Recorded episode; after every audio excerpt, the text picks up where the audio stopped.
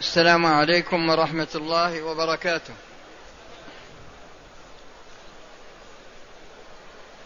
بسم الله الرحمن الرحيم. الحمد لله رب العالمين والصلاة والسلام على خير خلقه أجمعين محمد وعلى إخوانه من الأنبياء والمرسلين وعلى آله وأصحابه والتابعين ومن ومن تبعهم بإحسان إلى يوم الدين. أما بعد فإن الكلام لا يزال متصلا على قوله تعالى سارعوا إلى مغفرة من ربكم وجنة عرضها السماوات والأرض أعدت للمتقين الذين ينفقون في السراء والضراء والكاظمين الغيظ والعافين عن الناس والله يحب المحسنين والذين إذا فعلوا فاحشة أو ظلموا أنفسهم ذكروا الله فاستغفروا لذنوبهم ومن يغفر الذنوب إلا الله ولم يصروا على ما فعلوا وهم يعلمون أولئك جزاؤهم مغفرة من ربهم وجنات تجري من تحتها الأنهار خالدين فيها ونعم أجر العاملين وسبق الكلام على قوله تعالى وسارعوا إلى مغفرة من ربكم وجنة عرضها السماوات والأرض أعدت للمتقين الذين ينفقون في السراء والضراء. وفي هذه الليلة أتكلم لكم على قوله تعالى والكاظمين الغيظ والعافين عن الناس. والكاظمين الغيظ والعافين عن الناس. من المعلوم أن الإنسان ليس بمعصوم.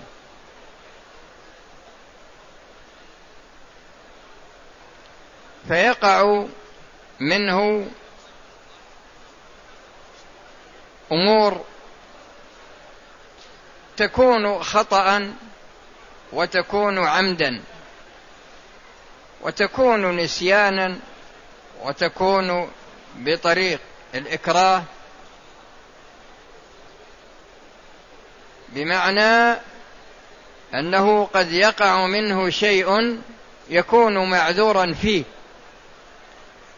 وقد يقع منه شيء لا يكون معذور فيه. وهذا الأمر الذي يقع منه تارة يكون فيما بينه وبين نفسه وتارة يكون فيما بينه وبين الله يعني في حق الله وتارة يكون فيما بينه وبين الناس. والمقصود هنا هو ما يكون فيما بينه وبين الناس. والجانب الذي يكون بينك وبين الناس هو أنه يعتدى عليك يعتدى عليك في مالك وإلا يعتدى عليك في عرضك بمعنى أنك تقذف يقذف مثلا عرضك أو يعتدى عليك بالأذى بغيبة أو نميمة أو شهادة زور أو غير ذلك من الأمور التي تؤذي. لأن الأذى قد يكون بالسمع وقد يكون بالعين وقد يكون باللسان وقد يكون باليد وقد يكون بالقدم وقد يكون بالفرج وقد يكون بالبطن. فيصدر الأذى إليك. وصدور الأذى إليك لا يختص بشخص دون شخص. فقد يصدر الأذى بين الأب والابن. من الأب إلى الابن أو من الابن إلى الأب. وبين الزوجين. من الزوجة إلى الزوج أو من الزوج إلى الزوجة. أو بينك وبين سائر أقاربك. أو بينك وبين جيرانك يعني يصدر من جارك أذى أو تكون مسؤولا عن عمل من أعمال المسلمين. فيحصل عليك أذى من من ولاك الله أمره. يؤذيك بسمعه أو بلسانه أو ببصره أو بيده أو بغير ذلك من وجوه الأذى.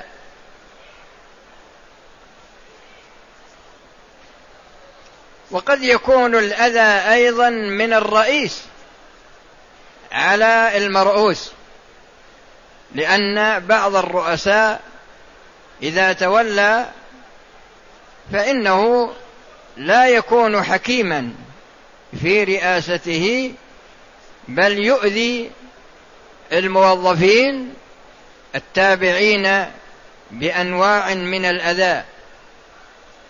والذي يضبط ذلك هو أن يخرج بهم عن الطريق السليم بمعنى أنه يسلك معهم سبيل التأسف يسلك بهم سبيل التأسف.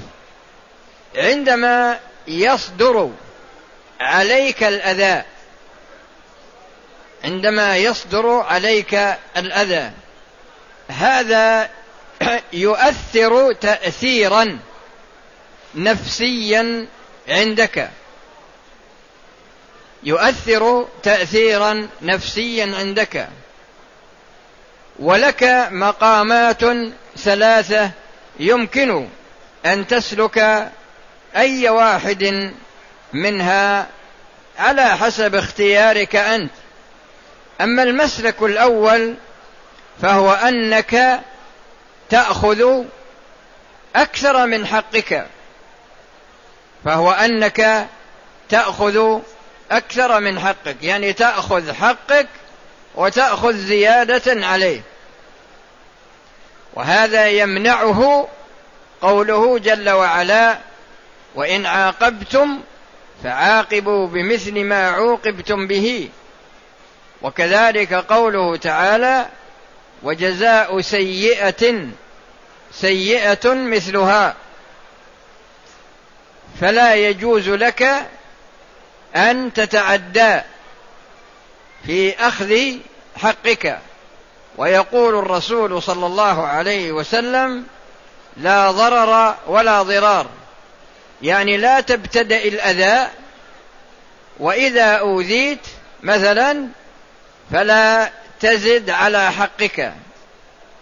وبناء على ذلك فإن فإن انتصار الإنسان لنفسه وأخذه أكثر من حقه هذا أمر لا يجوز له أن يفعله.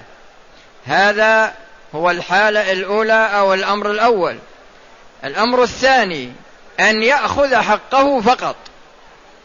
هو أوذي أوذي وأخذ حقه ممن حصل منه الأذى. وهذا يتفق مع قوله جل وعلا وإن عاقبتم فعاقبوا بمثل ما عوقبتم به. وإن عاقبتم فعاقبوا بمثل ما عوقبتم به. وجزاء سيئة سيئة مثلها.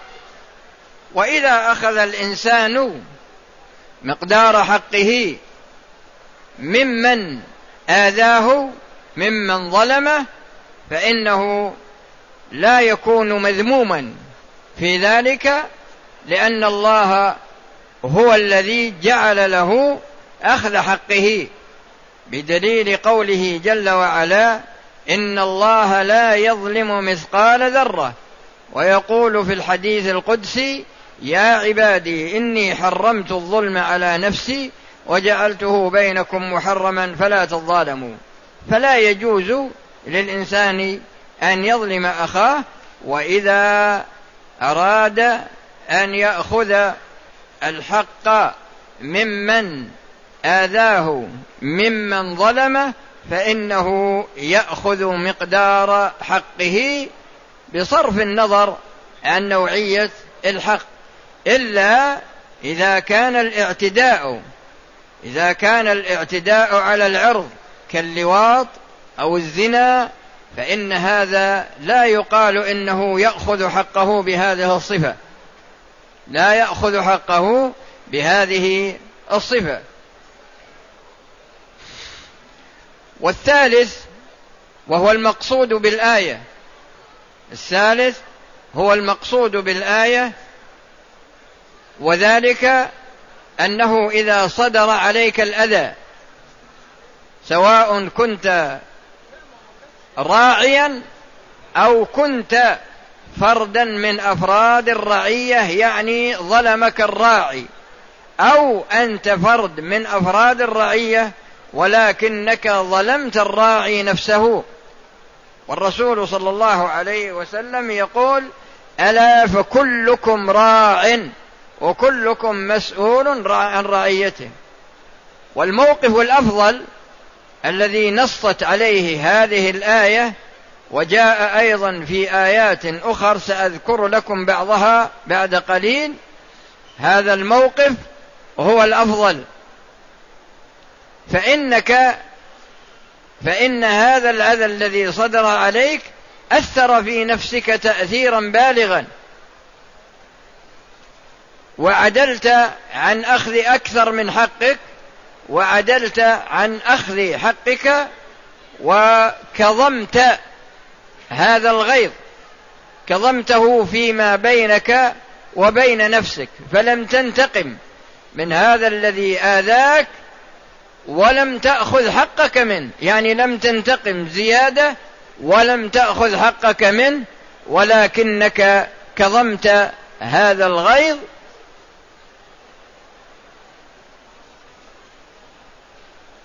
كظمت هذا الغيظ فيما بينك وبين الله ونويت في قلبك أن كظمك هذا الغيظ لوجه الله جل وعلا. ونويت بقلبك أن كظم هذا الغيظ لوجه الله جل وعلا. فإذا كنت بهذه الصفة فقد حققت قوله تعالى والكاظمين الغيظ والكاظمين الغيظ والعافين عن الناس لأنك كظمت كظمت الغيظ وأيضا عفوت عنه وأيضا عفوت عنه.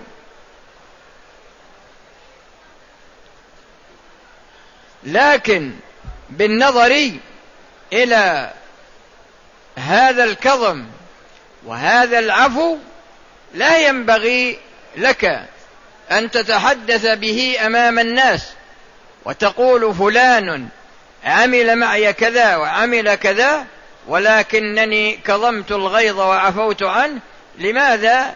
لأنك عملت هذا العمل لوجه الله جل وعلا وثوابك عند الله جل وعلا. ولهذا يقول تعالى ولمن صبر وغفر إن ذلك لمن عزم الأمور إن ذلك لمن عزم الأمور وما يلقاها إلا الذين صبروا وما يلقاها إلا ذو حظ عظيم. وقد يغريك الشيطان أو يغريك يعني شيطان الجن أو يغريك شيطان الإنس ويقول لك شيطان الجن يوسوس لك لأن الرسول صلى الله عليه وسلم قال ما منكم من أحد إلا ومعه شيطان. قالوا حتى أنت يا رسول الله. قال حتى أنا إلا أن الله أعانني عليه فلا يأمرني إلا بخير. فكل واحد من من بني آدم معه شيطان معه شيطان. وهذا الشيطان هو الذي يثبطه عن الخير ويحثه على السوء. فهذا القرين الذي معك عندما تحس منه أنه يحملك على أن مثلا أن تتحدث بهذا الشيء أو أن تنتقم أو ما إلى ذلك فلا تستجب لهذا. وهكذا بالنظر لشيطان الإنس لأن بعض لأنك لأن كثيرا جدا من الناس يكون له صديق. وهذا الصديق يعتبر خليل. والرسول صلى الله عليه وسلم يقول المرء بخليله فلينظر أحدكم من يخالل فقد يتقرب إليك هذا الخليل وبخاصة إذا كنت مسؤولا وبخاصة إذا كنت مسؤولا. يغريك على أساس أنك تنتقم من هذا الشخص أو تتحدث تتحدث بما حصل منك. فلا تستجب لا لشيطان الجن ولا لشيطان الإنس. وهكذا بالنظر إلى الهوى.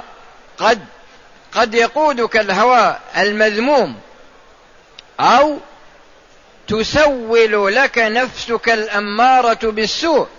في آه، الانتقام أو في عدم الكظم أو في عدم العفو. لكن لا تستجب لا لشيطان الجن ولا لشيطان الإنس ولا للهوى المذموم ولا للنفس الأمارة بالسوء.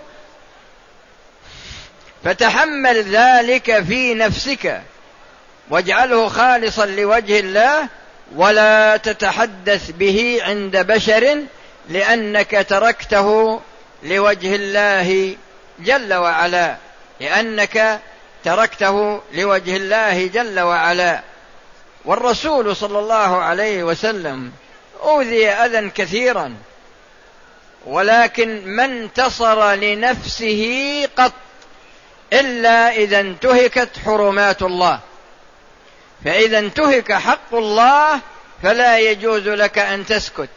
لكن إذا انتهك حقك أنت إذا انتهك حقك أنت فحينئذ لا تنتصر عملا بهذه الأدلة وعملا بسنة الرسول صلى الله عليه وسلم. فقد قال الله جل وعلا لقد كان لكم في رسول الله أسوة حسنة لمن كان يرجو الله واليوم الآخر. أسأل الله سبحانه وتعالى بأسمائه الحسنى وصفاته العلى وباسمه الطيب الطاهر الذي إذا دعي به أجاب وإذا سئل به أعطى وإذا استعين به أعان أن يجعل اجتماعنا هذا اجتماعا مرحوما وتفرقنا تفرقا معصوما وألا يجعل فينا ولا منا شقيا ولا محروما وأن يتوفانا مسلمين ويحشرنا مع الذين أنعم الله عليهم من النبيين والصديقين والشهداء والصالحين إنه ولي ذلك والقادر عليه وأن يحسن عاقبتنا في الأمور كلها وأن يجيرنا من خزي الدنيا وعذاب الآخرة والحمد لله رب العالمين وصلى الله وسلم على نبينا محمد وعلى آله وأصحابه أجمعين والآن نأتي إلى ما قدم من أسئلة.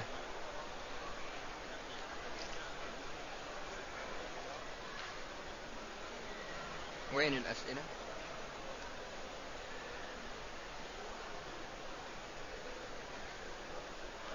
شخص في رمضان وهو صائم أراد أن يستمني وغسل ذكره وبينما هو يدلك ذكره إذ نزل شيء مثل المني ولم يحس بشهوة فما حكم الصيام؟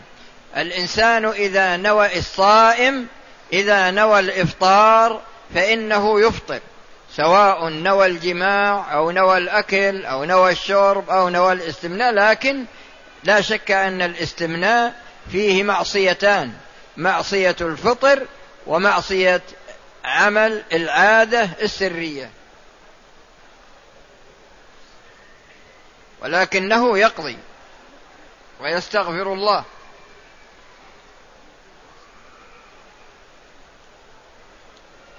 اقترضت من خالي. أخي أمي مبلغا من المال. وكان أبو أمي الذي هو جدي قد مات وترك لأولاده مبلغا من المال. وعندما وزعت التركة على الورثة احتال أخوالي على أمي وأخذوا عليها من نصيبها جزءا كبيرا.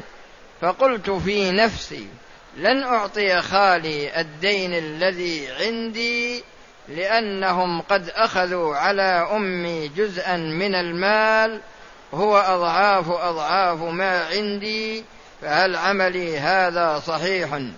اولا أن خالك إذا كنت صادقا أنت أو أخوالك عموما إذا كنت صادقا فإنهم ظالمون. لأن فيه بعض الجهات يحتقرون المرأة يعني لا يقيمون لها وزنا ولهذا عندما يموت الميت لا يعني يمنعونها من الميراث يمنعونها من الميراث. وهكذا بالنظر لبعض الوصايا تجدون أن الرجل يوصي لأولاده الذكور دون الإناث. ولا شك أن هذا أمر لا يجوز لقوله صلى الله عليه وسلم لا إن الله أعطى كل ذي حق حقه فلا وصية لوارث. فلا يجوز للإنسان أن يمنع وارثا من حقه ولا يجوز للشخص أن يوصي لأحد من الورثة دون الآخر. وأما بالنظر لهذا المبلغ فهذا المبلغ حق في ذمتك أنت. والحق لأمك الحق لأمك. وإذا حصل نزاع بينك أنت وأخوالك فإنكم تذهبون إلى المحكمة. امرأة اعتمرت ونسيت أن تقصر شعرها تقصر إذا ذكرت. لكن إذا كان عندها زوج وجامعها قبل أن تقصر فعليها فدية تذبح في مكة وتوزع على فقراء الحرم. فإن لم تستطع تصوم عشرة أيام.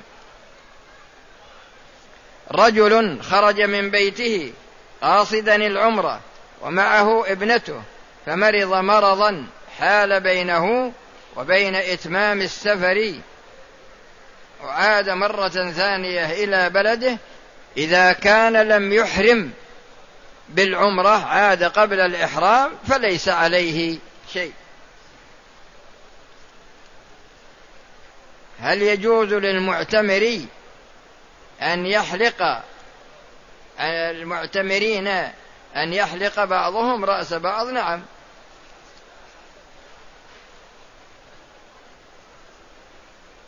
حكم قطع السنة من أجل الصلاة على الجنازة أكمل السنة فإذا أكملتها فادخل مع الإمام في صلاة الجنازة وما أدركته فهو أول صلاتك وإذا سلم فإنك تكمل ما بقي من الصلاة.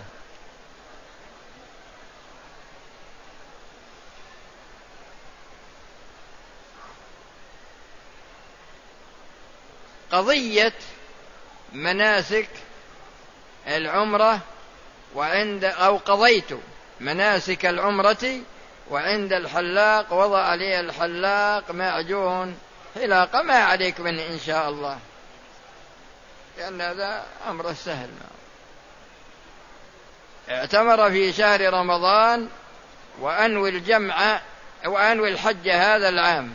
إذا اعتمرت في رمضان ثم حججت من عامك فإنك لا تكون متمتعا وإنما تكون مفردا. فتكون متمتعا لو أحرمت بالعمرة في شوال مثلا أو في ذي القعدة وبقيت في مكة وأتيت بالحج في هذه الحال تكون متمتعا.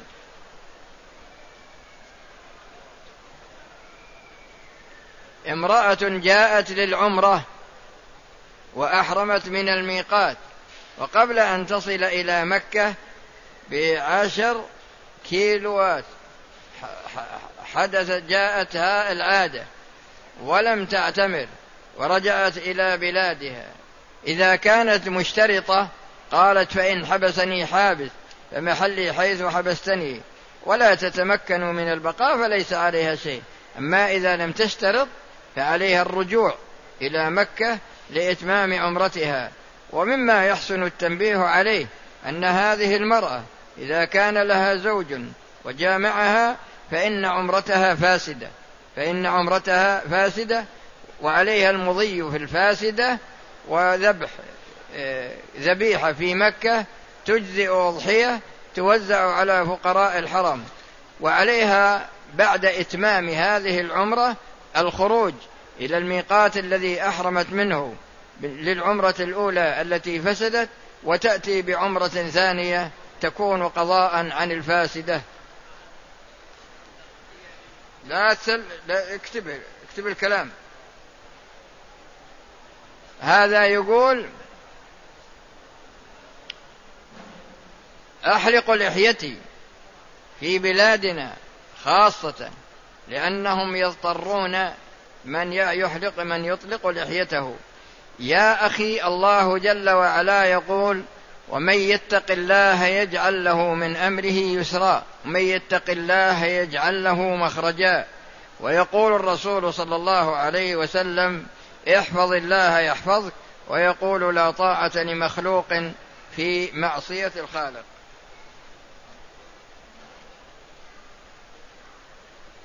بعض العامة يقول أنا ما أنا ما علي من الحرام.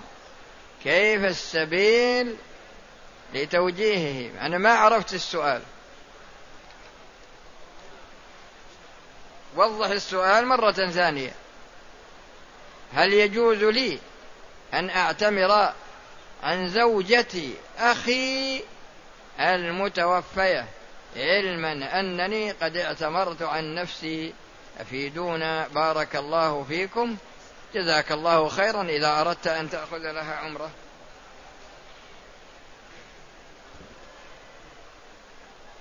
نود أن نعرف من أين يبدأ الاعتكاف ومتى ينتهي. إذا كان الاعتكاف منذورا فعلى حسب ابتداء الوقت وانتهائه. لو نذرت أن تعتكف يوما أو شهر أو خمسة أيام أما الاعتكاف والاعتكاف المسنون أيضا على حسب نيتك أنت. نويت أن تعتكف ساعة نصف ساعة آه، يوم يومين وما إلى ذلك.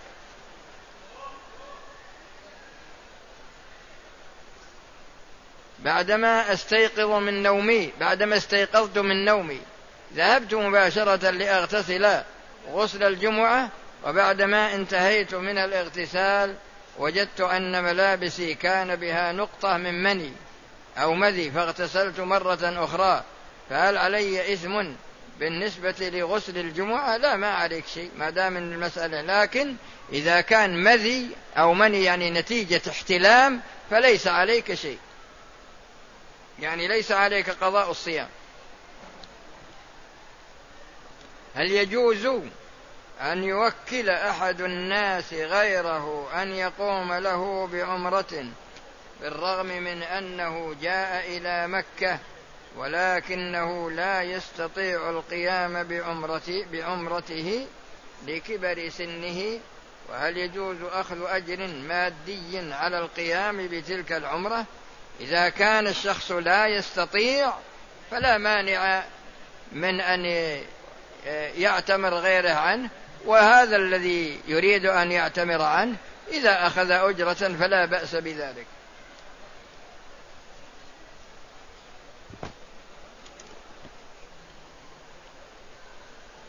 أثناء الصيام أجد بقايا بعض الطعام. يا أخي قبل الأذان تأكد من خلو فمك من الطعام.